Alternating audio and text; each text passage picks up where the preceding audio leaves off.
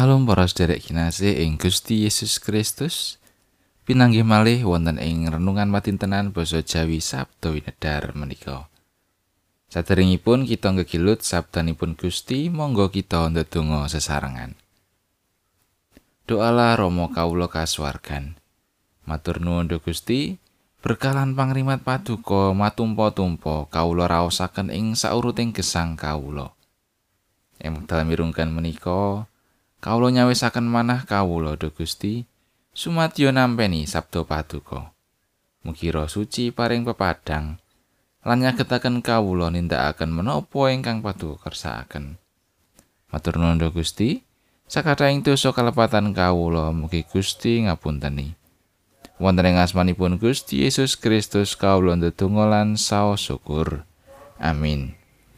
Wawasan dinten menika kapendet saking Yakobus bab setunggal ayat songo ngantos 16.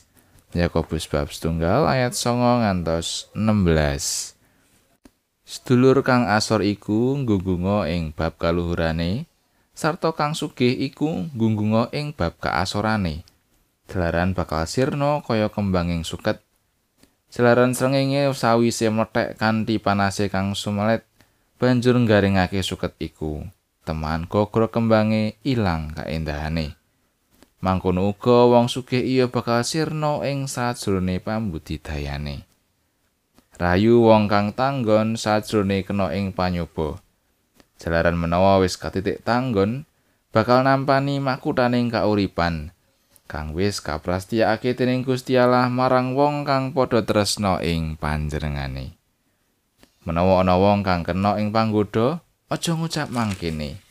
Aku digodha dening Allah. Jalaran Gusti Allah ora bisa digodha dening piala. Sarta Gusti Allah ora nggodha marang wong. Nanging saben wong digodha dening pepinginane dhewe. Jalaran diseret sarta dibujuk dening pepinginane dhewe. Sarta menawa pepinginan iku wis ngandhut banjur manak dosa. Sarta menawa dosa iku wis mateng bakal nglairake pati. He para sedulur kang tak tresnani, aja padha kesasar. Mangkatan pangandikanipun Gusti ayat na saking ayat kalih welas.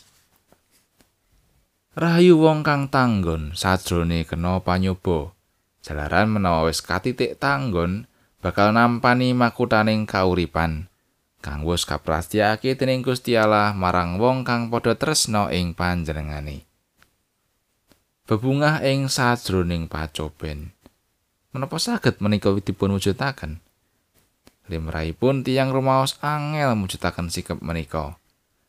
Awit asringipun tiyang nalika nampeni pacoban, sikap ingkang dipun wujudaken inggih menika ngersula.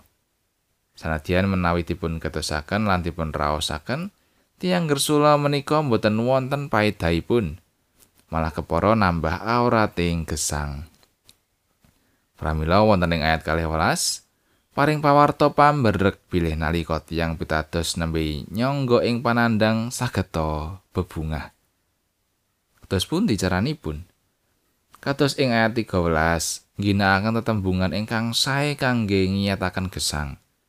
Kanthi ngedalaken tembung-tembung ingkang sae positif menika saged dados daya kekiyataning gesang kita. Ananging kosok wangsulipun nalika tiyang pitados nembe kataman ing panggoda lajeng supata gersula badhe tuwuh dampak ingkang boten sae. Kados to nglukro ing semangat tuwuh pamawas negatif pepes ing pangajeng-ajeng. Pramila tembungan ingkang positif badhe nuwuhaken semangat wonten ing gesang kita. Lajeng kados pundi kalian kita? Nalika kita nembe nyanggi momotan, tetembungan ingkang kados pundi ingkang kita dalaken. Tentu lumantar pangandikanipun Gusti, sumangga kita sami niti priksa lan ngewahi gesang kita. Kita saged mujudaken sikap tansah bebungah ing sajroning pacoben. Kanthi ginakaken lan ngedalaken tetembungan ingkang datengaken semangat lan kekiyataning gesang kita. Satemah ayat kalih welas menika saged kita raosaken wonten ing manah lan gesang kita. Rayu wong kang tanggon sajrone kena panyoba. Jalaran menawa wis katitik tanggon bakal nampani makutaning kauripan. kang wis kaprastyakake dening Gusti Allah marang wong kang padha tresna ing panjenengane. Amin.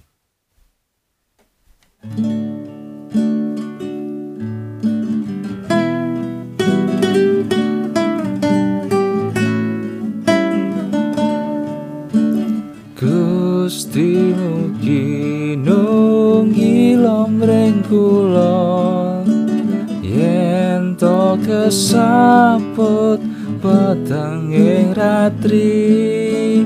Namung paduka kang mitulungi sumangga Gusti nunggil mring kula